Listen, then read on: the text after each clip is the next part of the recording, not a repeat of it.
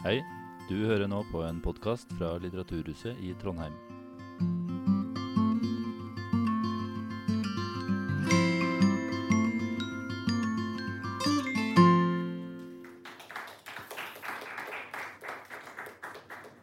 Hei og velkommen til debatt i P2.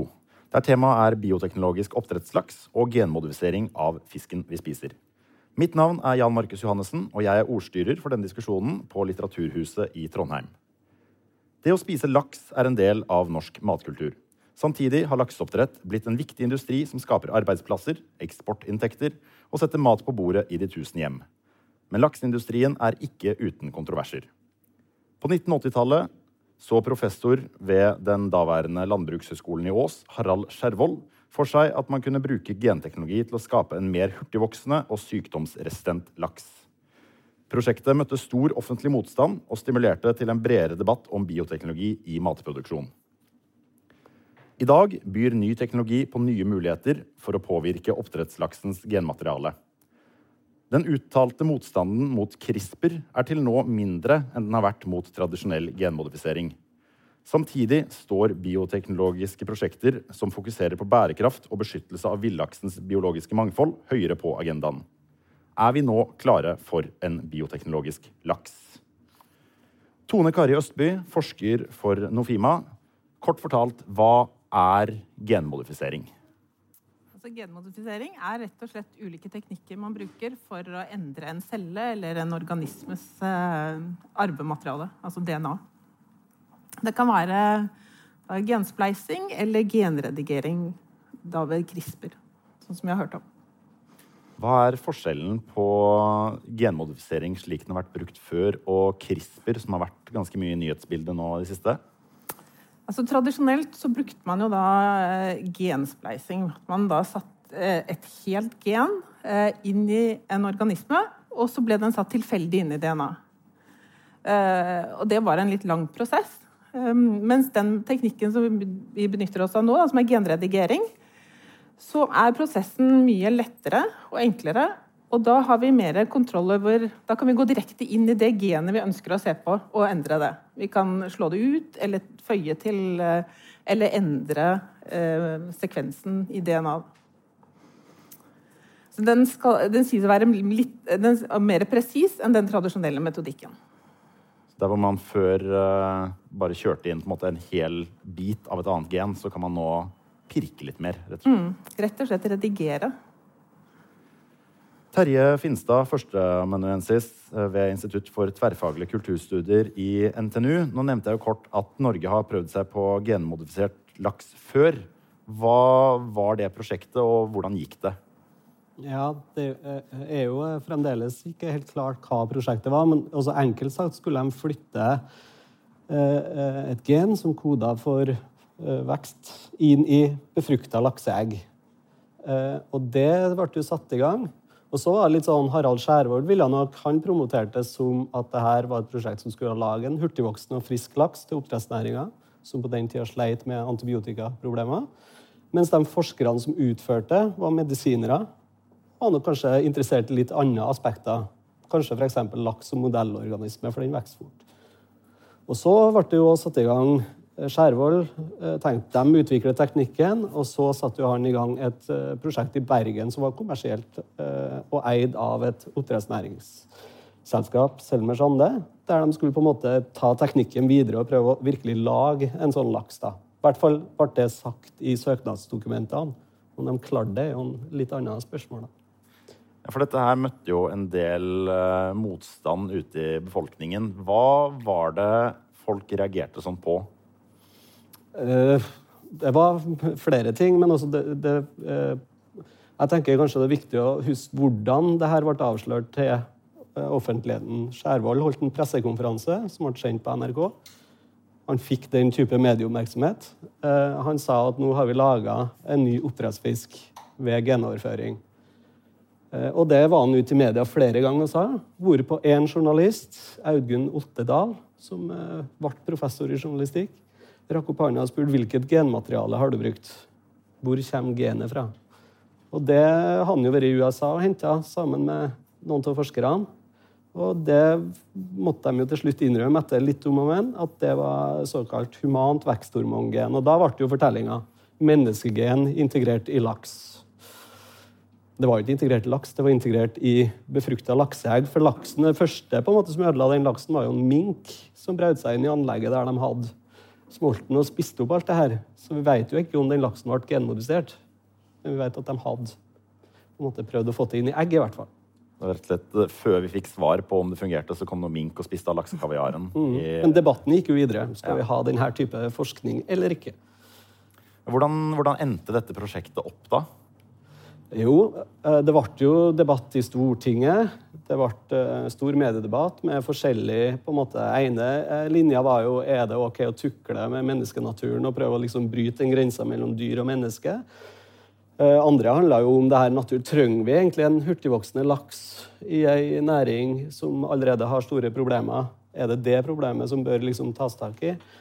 Og så er det jo klart at forskninga ble jo En av forskerne, han som leda det medisinske prosjektet, ble jo oppringt av en han hadde studert med, eh, som da vel satt i opposisjon, tror jeg, som Gro Harlem Brundtland, og lurte på hva er forskninga. Sånn at det her ble storpolitikk. Og det ble vel endelig dødt med genteknologiloven. At det ble satt en stopper for den type forskning. Men stoppa det? Det er jo et spørsmål, for En av forskerne der er- ble jo Norges fremste ekspert på sebrafisk, som er en modellorganisme den type forskning. da. Så det er jo det med forskning at det er jo ikke entydig mediedebatt. Eller sånn, Den offentlige debatten handler jo om noen prinsipper, og så er den forskninga foregår kanskje på en litt annen måte enn det man ser for seg. Ja. Men det som drepte laksen, vil jeg påstå, er den hypen og den måten den entra samfunnet på. Ikke nødvendigvis hva som egentlig foregikk i laboratoriet. Så hvordan eh, ser du i dag på at lakseoppdretterne er bevisst Er de mer bevisst på risikoen for eget omdømme i dag enn de var på 80- og 90-tallet? Spesielt når det kommer til dette med genmodifisering? For Det virket som det plumpet litt ut på en pressekonferanse. Og Ja. ikke var nødvendigvis så sterke retningslinjer rundt hvordan man omtalte det. Jeg tror nok ikke, Nå gikk jo det Selmer Sande gikk jo konkurs, og det stoppa jo den forskninga i Bergen. på en måte. Men, men jeg tror de var, var nok ikke veldig glad for Skjervold sin måte å presentere det på. kanskje da. Men i dag så vet jeg at det prosjektet Vi ble på en måte oppringt av en journalist for noen måneder siden. Om at det prosjektet ble omtalt i en lærebok på videregående skole i på en måte akvakulturfag eller noe sånt.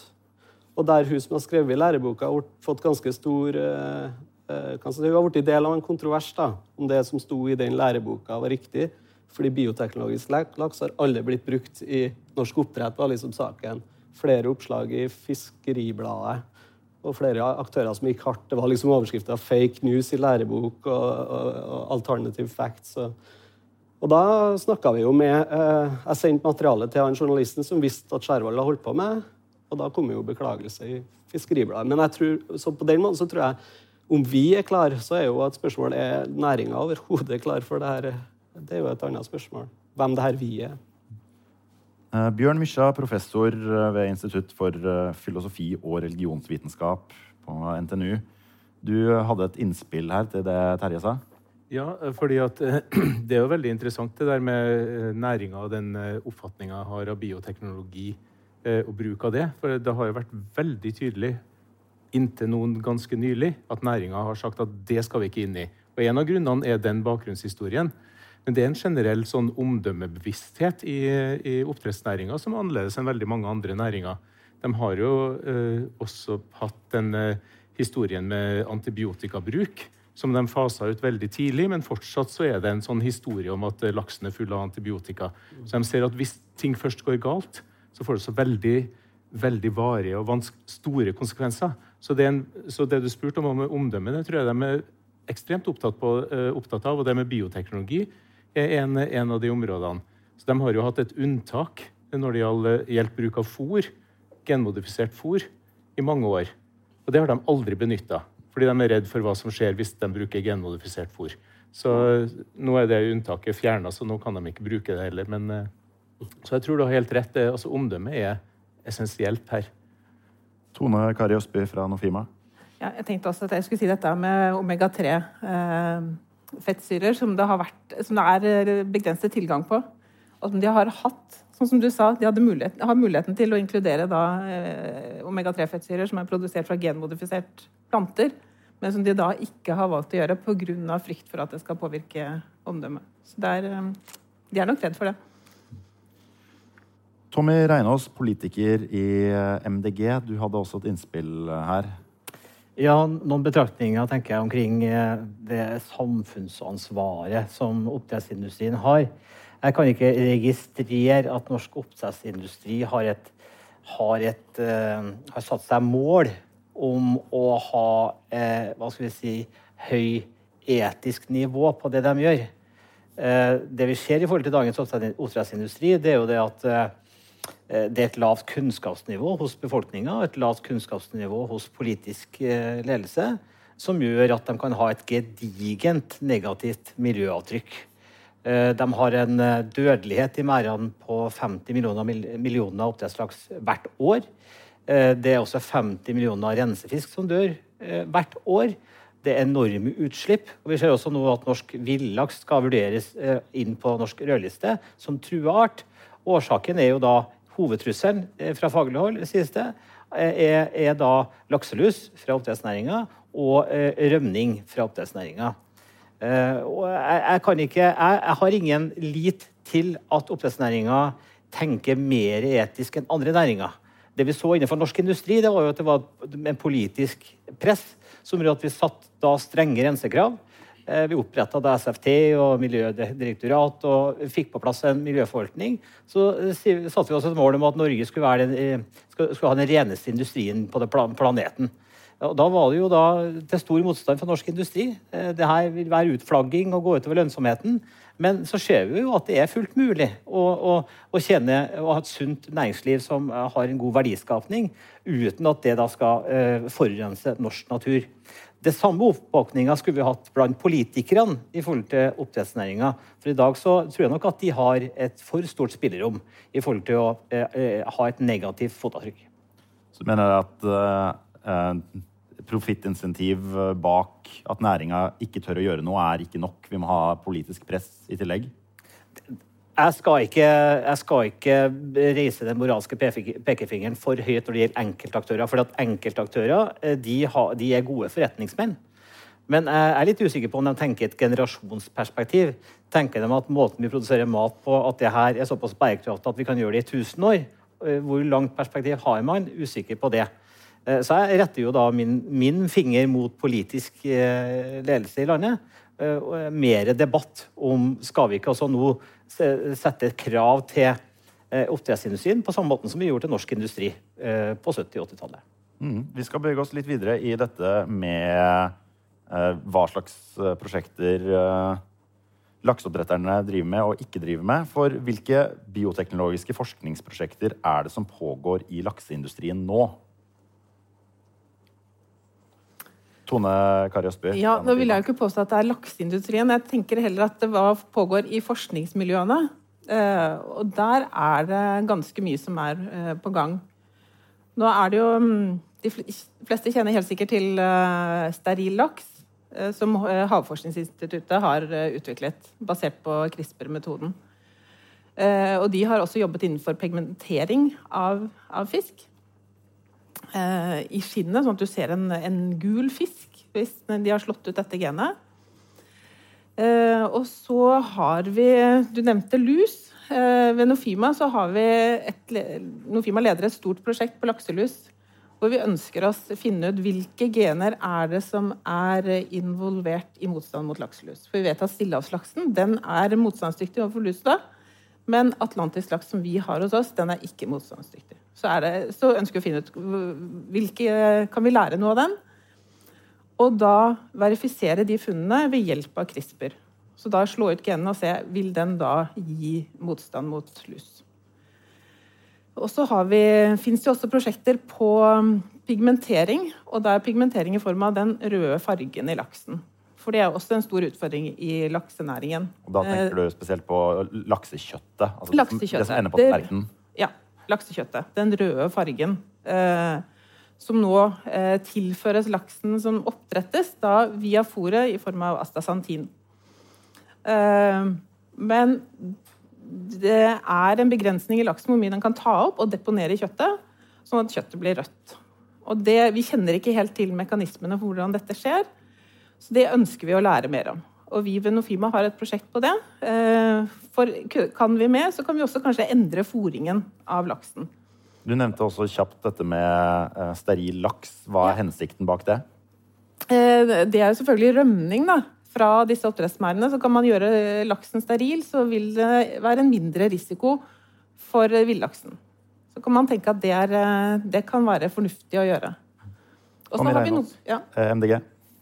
Ja, jeg føler, jeg føler, litt min oppgave å være, å være, å være, hva skal vi si, eh, stille de vanskelige dilemmaene her. fordi det er klart Hvis man gjør da laksen steril, eh, når du har en såpass stor biomasse med 400 millioner oppdrettslaks som står i åpne merder til enhver tid Til sammenligning så har vi bare 400 000-500 000 norske villaks.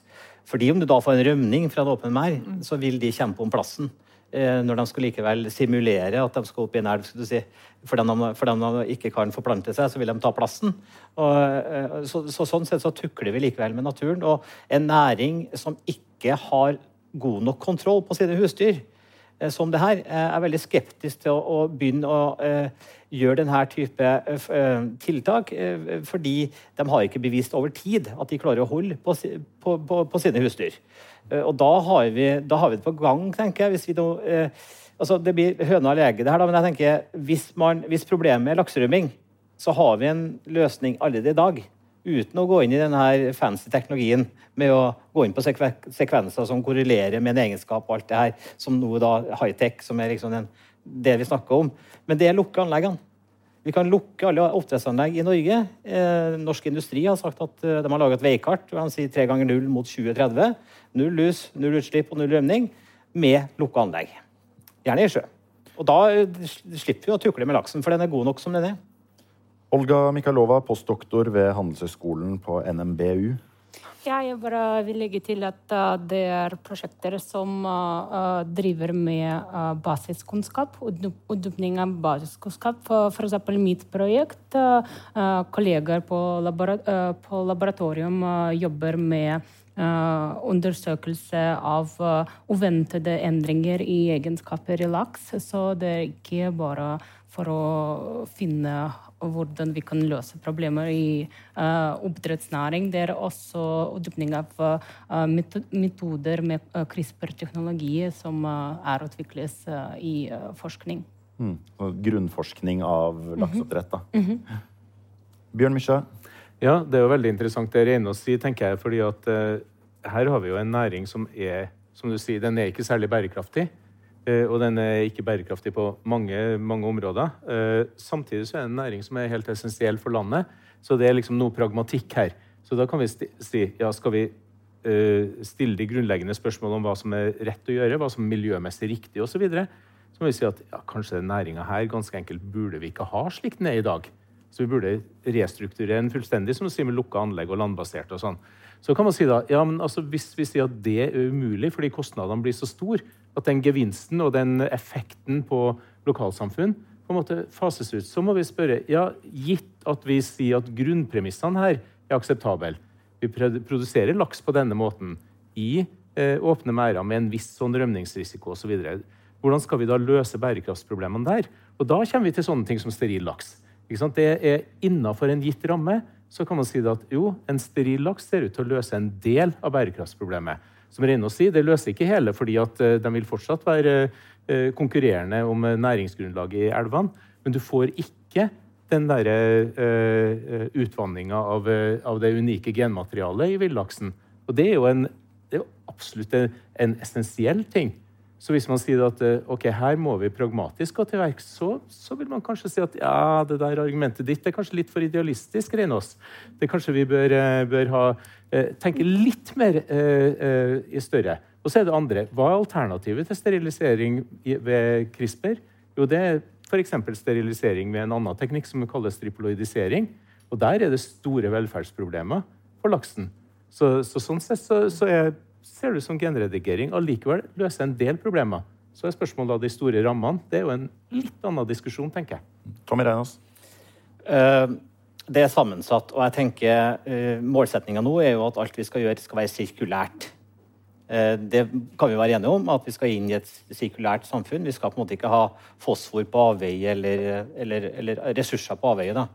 Og det er en enorm stor masse med, med skal, si, avfall, eller kloakk, fra de her, denne biomassen som kan gjenbrukes sirkulært. Eh, enten til, til altså nye produkter innen landbruk, eller til biogass eller til, til andre ting. Og så vet vi jo også at det er en varsla fosforkrise eh, om 30-40-50 år. Så vi kan ikke fortsette å bare dumpe det i det store havet. Eh, vi må ta vare på alle næringsstoffene. Så det er det elementære her. Og Så kan man ja gjerne anklage oss for å være ideell, men eh, nå er det jo sånn at vi står i, midt i en klimakrise og midt i en naturkrise. Og da har vi nok kunnskap til å si at løsningene skal være sirkulære. Så jeg vil ikke dra kortet eh, at vi da er for ideelle. For vi er vi er såpass pragmatisk kan jeg si, professor, at vi ønsker jo faktisk en oppdrettsnæring i Norge. Vi, ønsker, vi har sagt at vi skal opprettholde dagens biomasse på 400 millioner oppdrettslaks. En veldig lønnsom eh, næring. Den er ikke så eh, viktig for Norge som man ønsker å fremstille. Man bruker litt trikset til oljenæringa at vi er 300 000 ansatte i norsk olje, og det er det jo ikke. Det er jo bare 35 000 på oljeplattformene. Altså Det er flere ansatte i Trøndelag innenfor skognæringa enn i oppdrettsnæringa. Men poenget mitt er at jeg tror at vi skal tenke helhetlig. Og det her går ikke på å tenke ideelt. Det her går på å tenke at vi må forstå den tid vi lever i, med naturkrise og klimakrise. Og da må vi finne løsninger som gjør at Store spørsmål er, avslutningsvis, store spørsmål er vil det tiltaket her føre oss ut av klimakrisa, naturkrisa, eller vil det, være, vil det skape en usikkerhet og eventuelt øke naturkrisen og klimakrisen? Ja, Du nevnte dette, Bjørn, med dyrevelferd. Og I kyllingindustrien så har man jo i de senere år gått over til kylling som vokser litt langsommere, denne Hubbard-kyllingen som folk driver reklamerer med, med det argumentet om at det gir økt dyrevelferd for det mange kyllingarter som vokser raskere enn det som er rett og slett sunt for en kylling. Uh, ser vi noe av den samme problematikken i lakseindustrien, der hvor det at mer laks får mindre fôr og hurtigvoksende laks kan føre til eh, dyrevelferdsproblemer? Tone? Altså jeg vet at tidligere, når man så på ernæring, så så man på vekst som en kjempeviktig parameter. Mens nå er det mer og mer fokus på fiskevelferd. Så nå tar vi inn flere eh, eh, velferdsskår for å vurdere om behovet dekkes. Så da tenker jeg at det er mer og mer fokus på velferd nå enn det var tidligere. Bjørn? også enig i at det ser slik ut. og Det er jo interessant med eksempelet Terje fortalte om innledningsvis. Det de forska på når de brukte genmodifisering, det var, det var, å få laksen til å vokse raskt. Og Det er jo det eneste kommersielle laksen, genmodifiserte laksen som finnes i verden i dag. En canadisk en. Den har jo det som sin fremste egenskap, at den vokser, vokser raskt. I tillegg så er den steril gjennom triploidisering. Men, eh, øh, men det i norsk oppdrettsnæring så sier de at den laksen er jo ikke interessant. fordi at Gjennom det systematiske avlsprogrammet som har vært i Norge når det gjelder utvikling av laks, så vokser den laksen så fort i Norge at det er ikke mye å hente på å bruke genmodifisering. Så der har man på en måte tatt ut nesten potensialet når det gjelder tempo. Og man ønsker antagelig ikke noe raskere laks, fordi at eh, eh raskere eh, eh, veksttempo i laksen bare av, eh, bare av praktiske grunner og så kommer i tillegg dyrevelferdshensyn. Så, så, jeg tror heller ikke at fokus vil være på, på vekst framover på noen måte.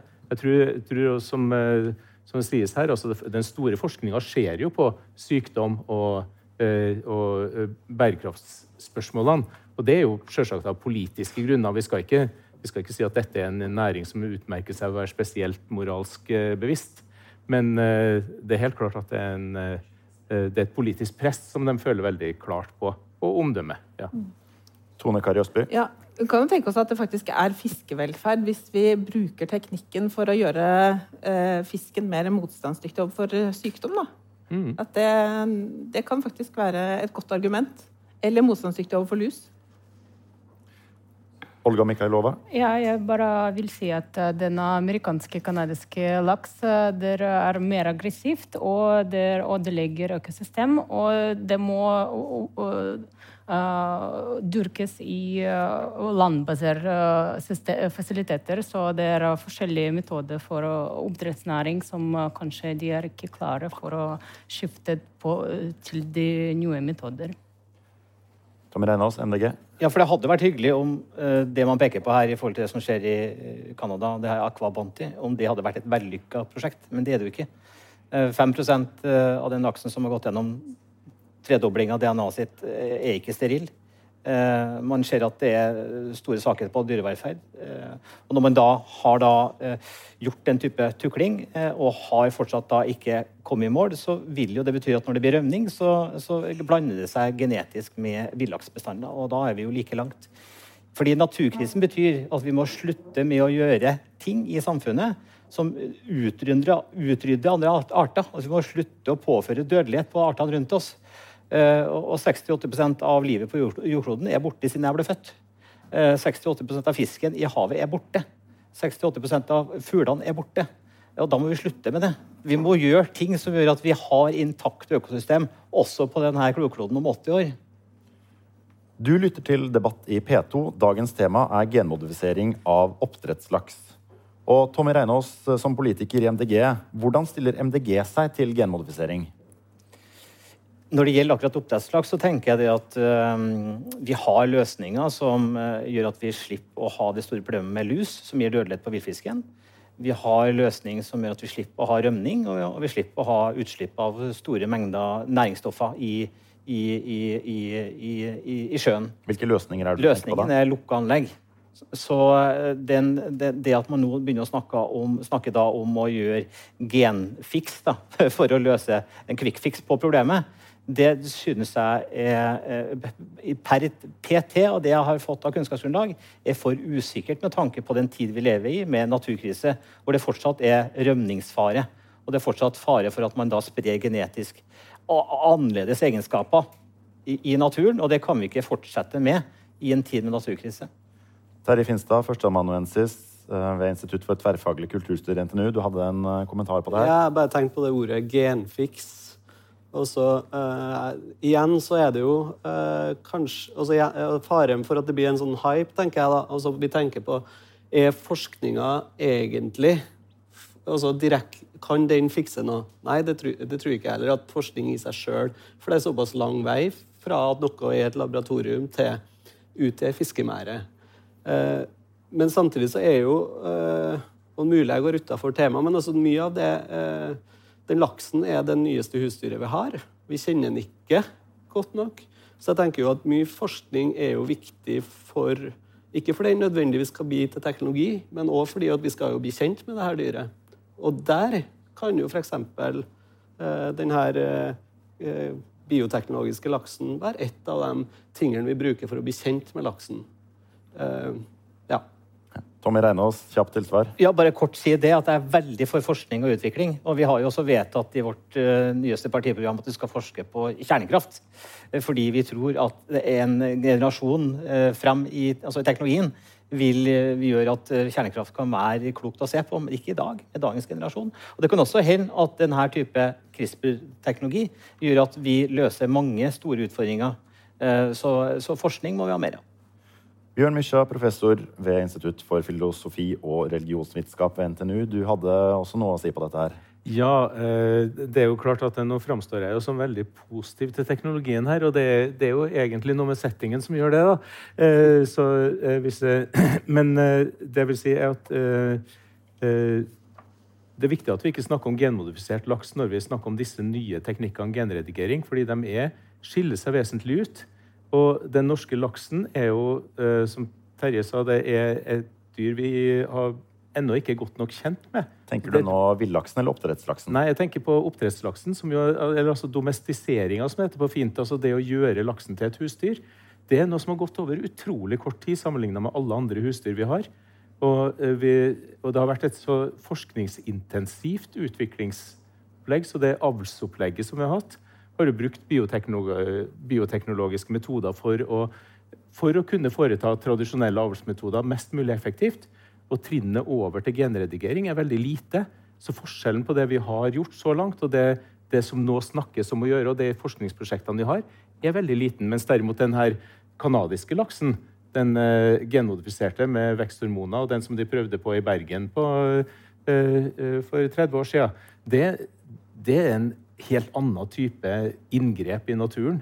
Så det her det, det er liksom en litt ny verden vi er i, og det, der må vi litt, diskutere ja, hva er forskjellene, og hva, hva er det som er skadepotensialet her.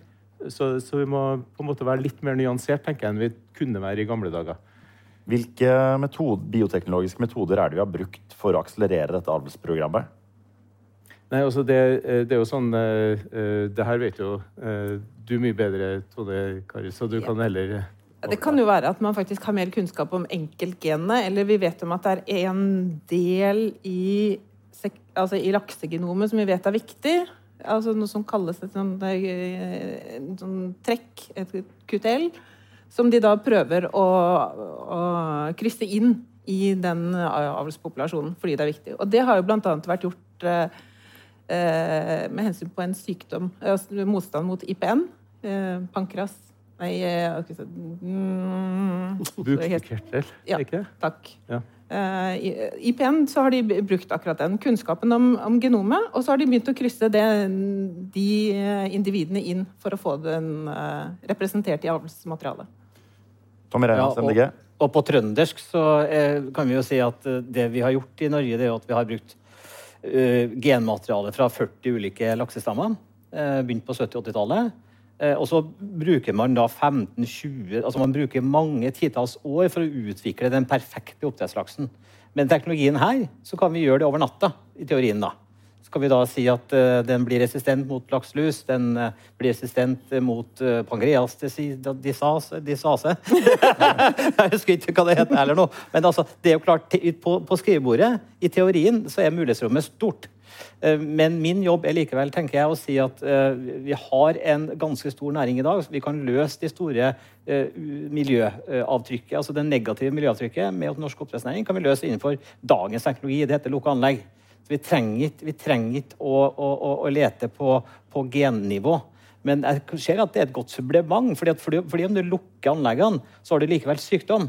Og det, og det, er ikke bra for dyrehelsa. Så likevel så må man ha forskning på området for å se om, om det her gir en bedre dyrevelferd. Eh, absolutt. Det er jo et uh, viktig spørsmål uh, som egentlig er til hele panelet her. Kan genmodifisering av laks gi bedre dyrevelferd? Tenker jeg, Tone Kari fra Nofima, du skal få lov til å prøve å svare på det. Ja, Vi var jo litt borti det i sted. i forhold til uh, Hvis vi klarer å finne en laks som er mer motstandsdyktig for sykdom, så vil jo det være um, økt eh, velferd for den laksen. Uh, og hvis den ikke rammes av, av lus. Og så jobber vi også innenfor dette med, um, med livsstilssykdommer innenfor laksen òg. Kan det hende at man kan gjøre noe der? Altså hvordan fettet deponeres i laksen. Kan den da ha en bedre velferd enn eh, en de som ikke det gjøres på? Så det, det er jo potensialet. Absolutt. Så rett og slett uh, prøve å gjøre laksen mindre, mindre tjukk? Ja, at, får, at, den ikke får så mye innvollsfett. Bli kvitt ølmagen, rett og slett? Ja, rett og slett. Ja. Ja.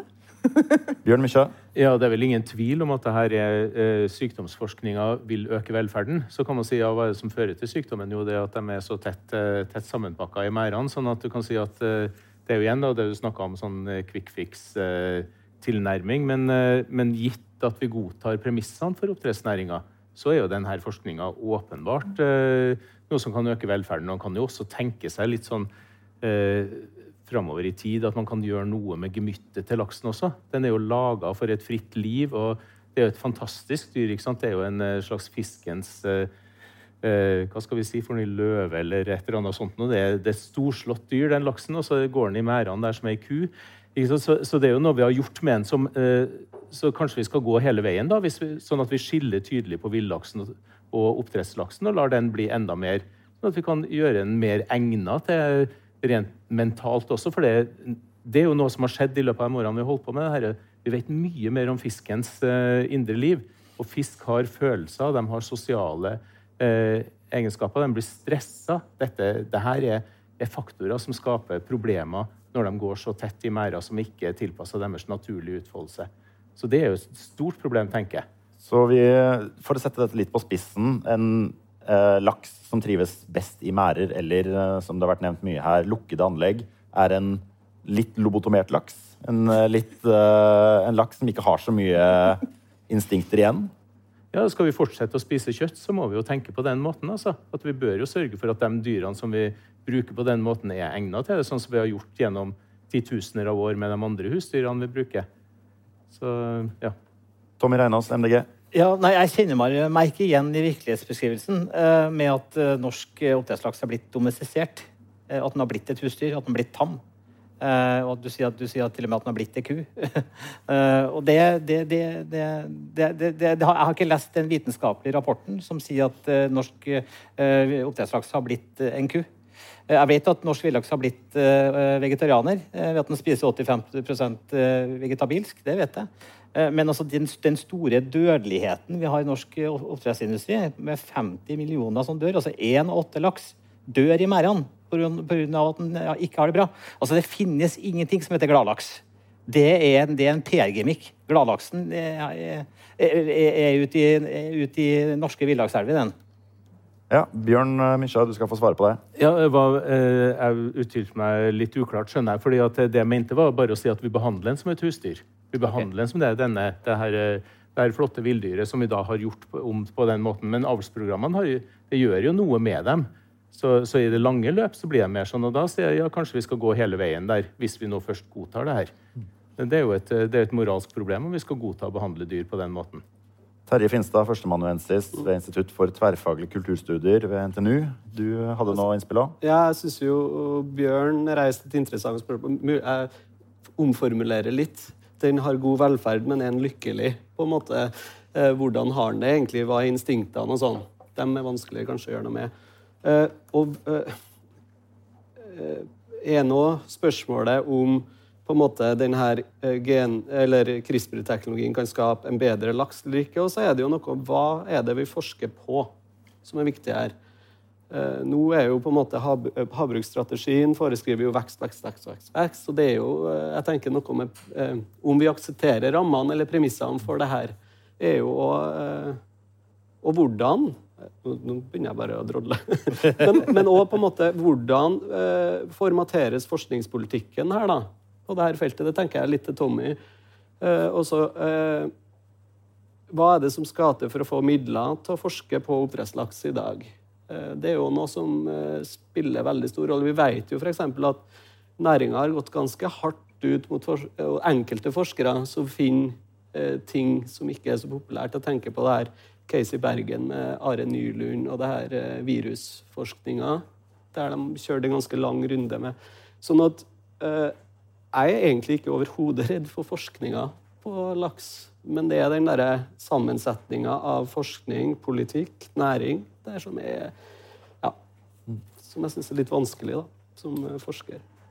Nå er det jo en del bioteknologiske forskningsprosjekter som går eh, på laks.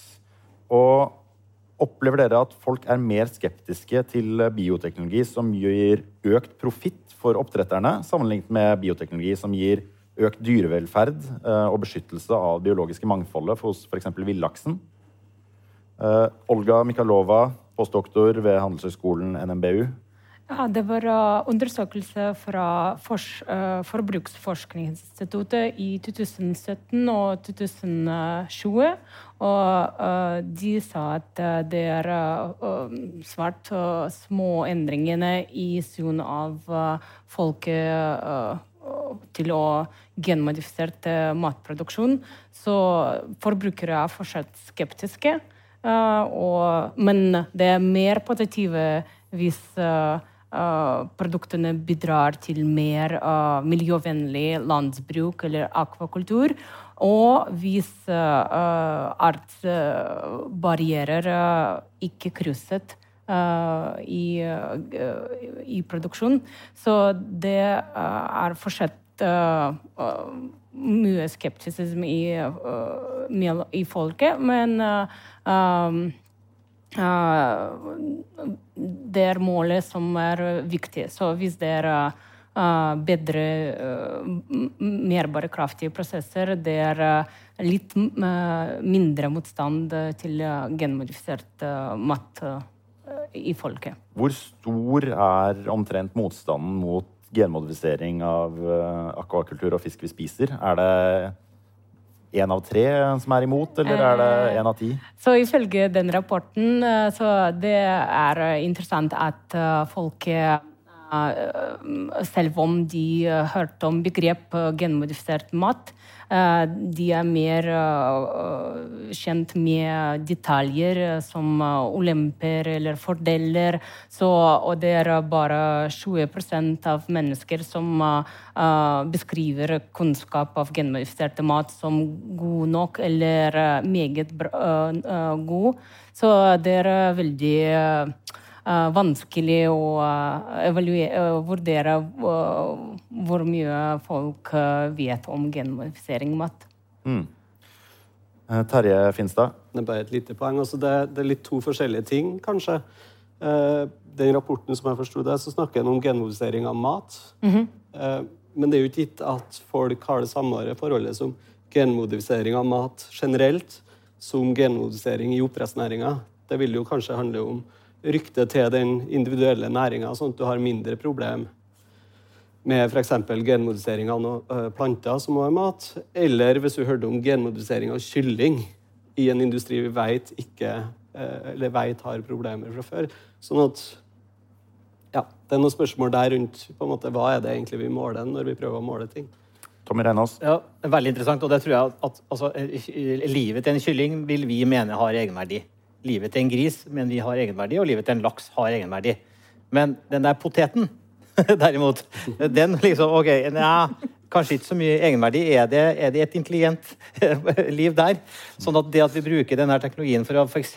gjøre poteten da mer rusta for klimaendringene, og råte og hva det heter, alt mulig, eh, det, det tror jeg det er en høyere aksept for i befolkninga. Eh, jeg vet ikke om poteten har et spredningspotensial til til, til å, blande seg med andre, andre, andre, arter i naturen heller. Så det, det tror jeg nok er mer at, at, at, ja, at, det vil skje ting, da, for at klimaendringene vil, vil føre til at eh, det blir interessant å, å, gå inn og se på og styrke egenskapene til, til frukt og grønt. Da. Bjørn Mysja? Det er interessant her med eh, befolkningsundersøkelser på området her. Altså Genmodifisering begynner jo folk å få en en, eh, mange å få en viss oppfatning av hva er. Men når vi da kommer inn og spør ja, genredigering, er det greit? Så vet jo de fleste ikke hva det er for noe. Så vet ikke hva, hva forskjellen er på genredigering og tradisjonell genmodifisering. Sånn at hva vi får ut av å spørre folk om det, det kan vi jo eh, tenke kanskje ikke er så veldig mye ennå. Og, og det, det, tror jeg er verdt å, verdt å ha i mente her. Så eh, det er ikke det at folk er dum, eller noe sånt, men det er ganske enkelt en teknologi som er så ny, og den er eh, såpass kompleks, og den kan brukes på så veldig mange forskjellige måter. Og det ser vi når folk blir spurt, så er de opptatt, som du stilte innledningsvis, ja, hva brukes det til? Hvilke egenskaper er det som tilføres? Hvilken hensikt har det? Det er essensielt. og det er litt sånn ledende spørsmål om eh, folk synes det er greit eh, at man eh, genmodifiserer for profitt alene. Så vil nok de fleste si nei til det. og Det er jo helt rimelig. Olga Mikhailova? Ja, så det er uh, interessant at uh, det er eh, undersøkelser er basert på uh, regelverk, og det er som genredigerte organismer og genmodifiserte organismer er reguleres sammen. Så det er veldig vanskelig å separere spørsmål, og det er basert på kunnskap av folket. Så ja, så vi må vite det når vi diskuterer det. Nå har vi jo mange eksperter eh, på temaet her, og vi har jo nevnt dette her med at folk kanskje ikke nødvendigvis har kunnskapen til å vite helt hva de mener, eller hva de blir spurt om. Men tenker dere at Opplever dere at befolkningen som helhet kanskje er litt mer skeptisk til bioteknologi og genmodifisering enn det dere ser som nødvendig? At dere tenker at det er mer potensial her enn det som eh, realiseres, ganske risikofritt? Kan gi ordet til deg, Bjørn? Eh, jeg tror at eh, folk har vært fornuftig skeptisk til eh, genmodifisering. Først og fremst fordi det meste av det som har, vært av genmodifiserte produkter som har vært aktuelle, har ikke hatt veldig stor, stor, nytte. Og da tenker man at ja, hvorfor skal vi innføre en ny teknologi hvis den ikke har spesiell nytte i, i bruksområdene? Men nå med genredigering så vil nok bildet se litt annerledes ut. Så jeg tenker at det kan, kan skje en endring over tid her.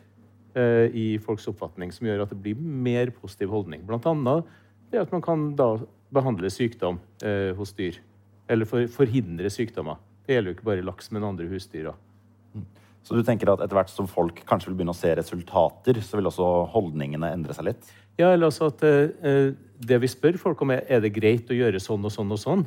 Og så vil de da si at ja, det må jo være riktig og greit å behandle, hindre at du får disse her forferdelige smittsomme virussykdommene i svin eller i laks.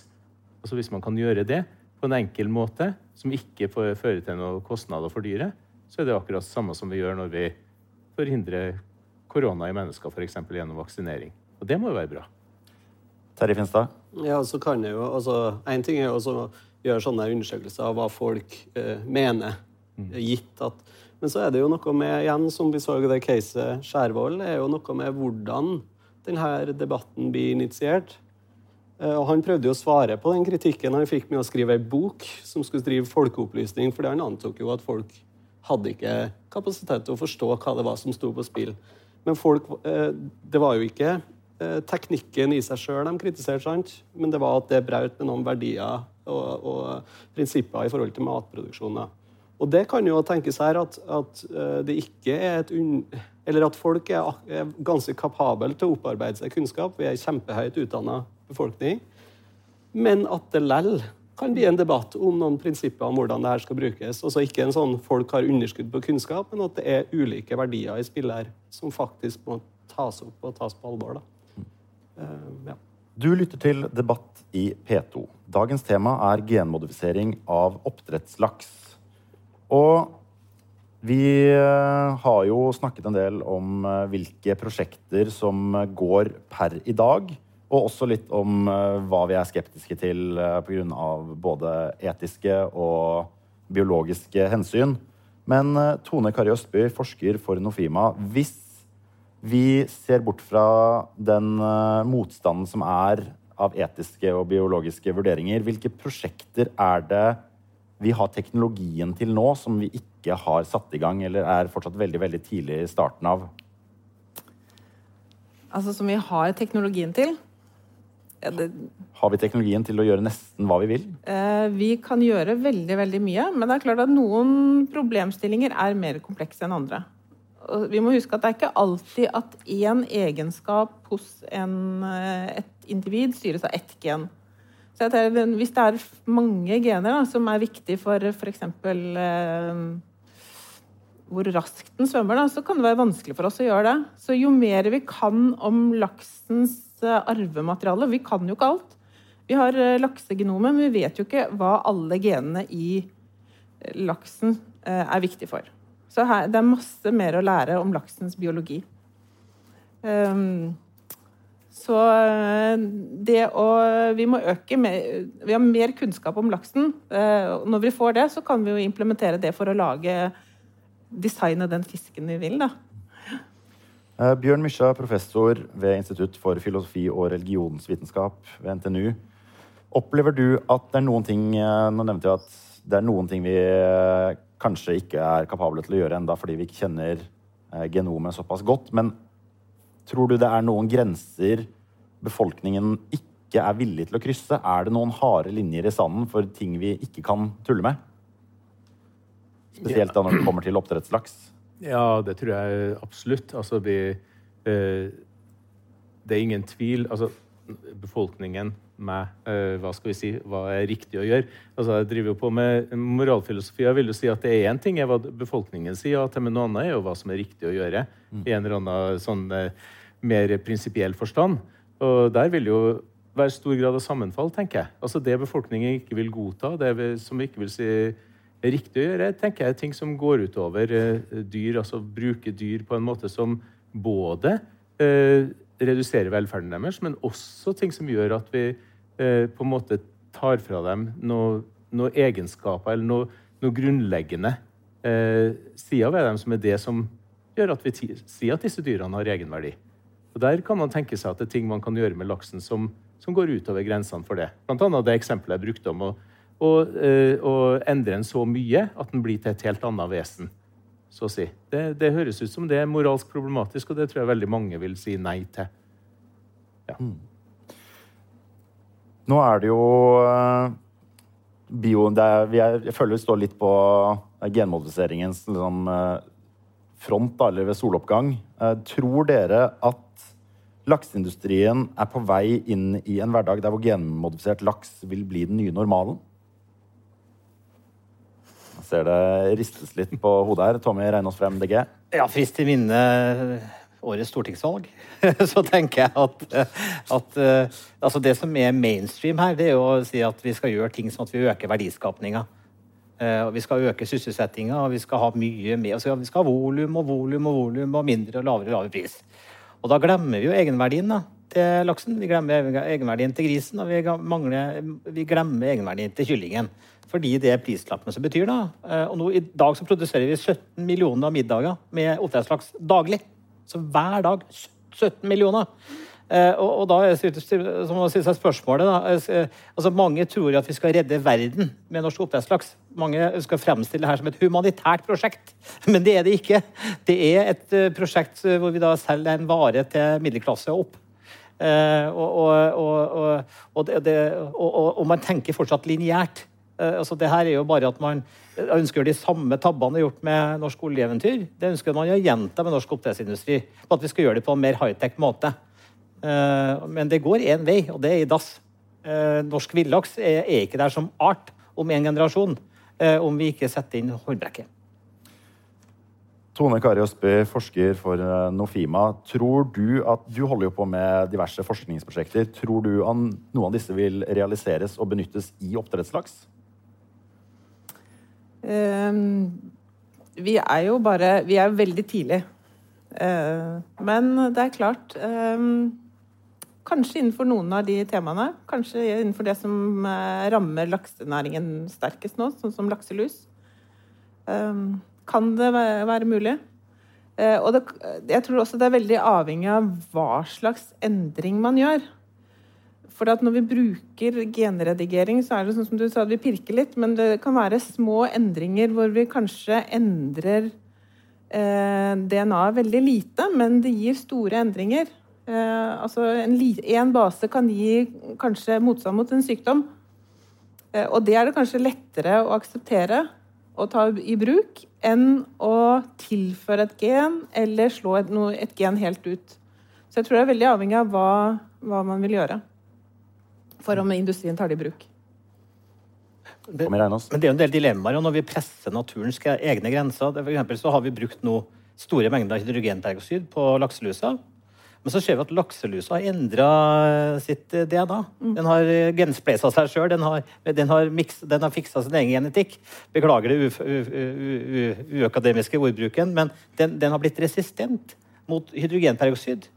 Eh, så det er noe med at man, man, man vet ikke hva man gjør. Man tukler med DNA og arvemateriale. Det kan få konsekvenser på andre populasjoner. Eh, og selvfølgelig populasjonen av, av, av naturlig laks. Bjørn Mysja. Du sa så poetisk at vi sto ved genmodifiseringens soloppgang, men det er jo helt feil. For den var jo på 80-tallet. Eh, og vi har holdt på med det veldig lenge. Og i hele den tida så har det vært snakka om ja, dette skal vi få til, og dette skal vi få til. Men det levende vesenet her og det er så vanskelig. Så de enkle tingene kan du få til. Men de her kompliserte og sånn, til og med med genredigering, så er det nok store begrensninger. Og det er veldig mye forskning som skal til. Og der vil de enkle tingene også være kanskje de beste tingene. Altså sykdoms, eh, sykdomsbehandling. Det, det, er jo kanskje det som vil være eh, det vi skal gjøre. Og da, da, vil ikke de her store problemene eh, med de moralske problemene bli, være så store, for det vil de fleste si er en god ting.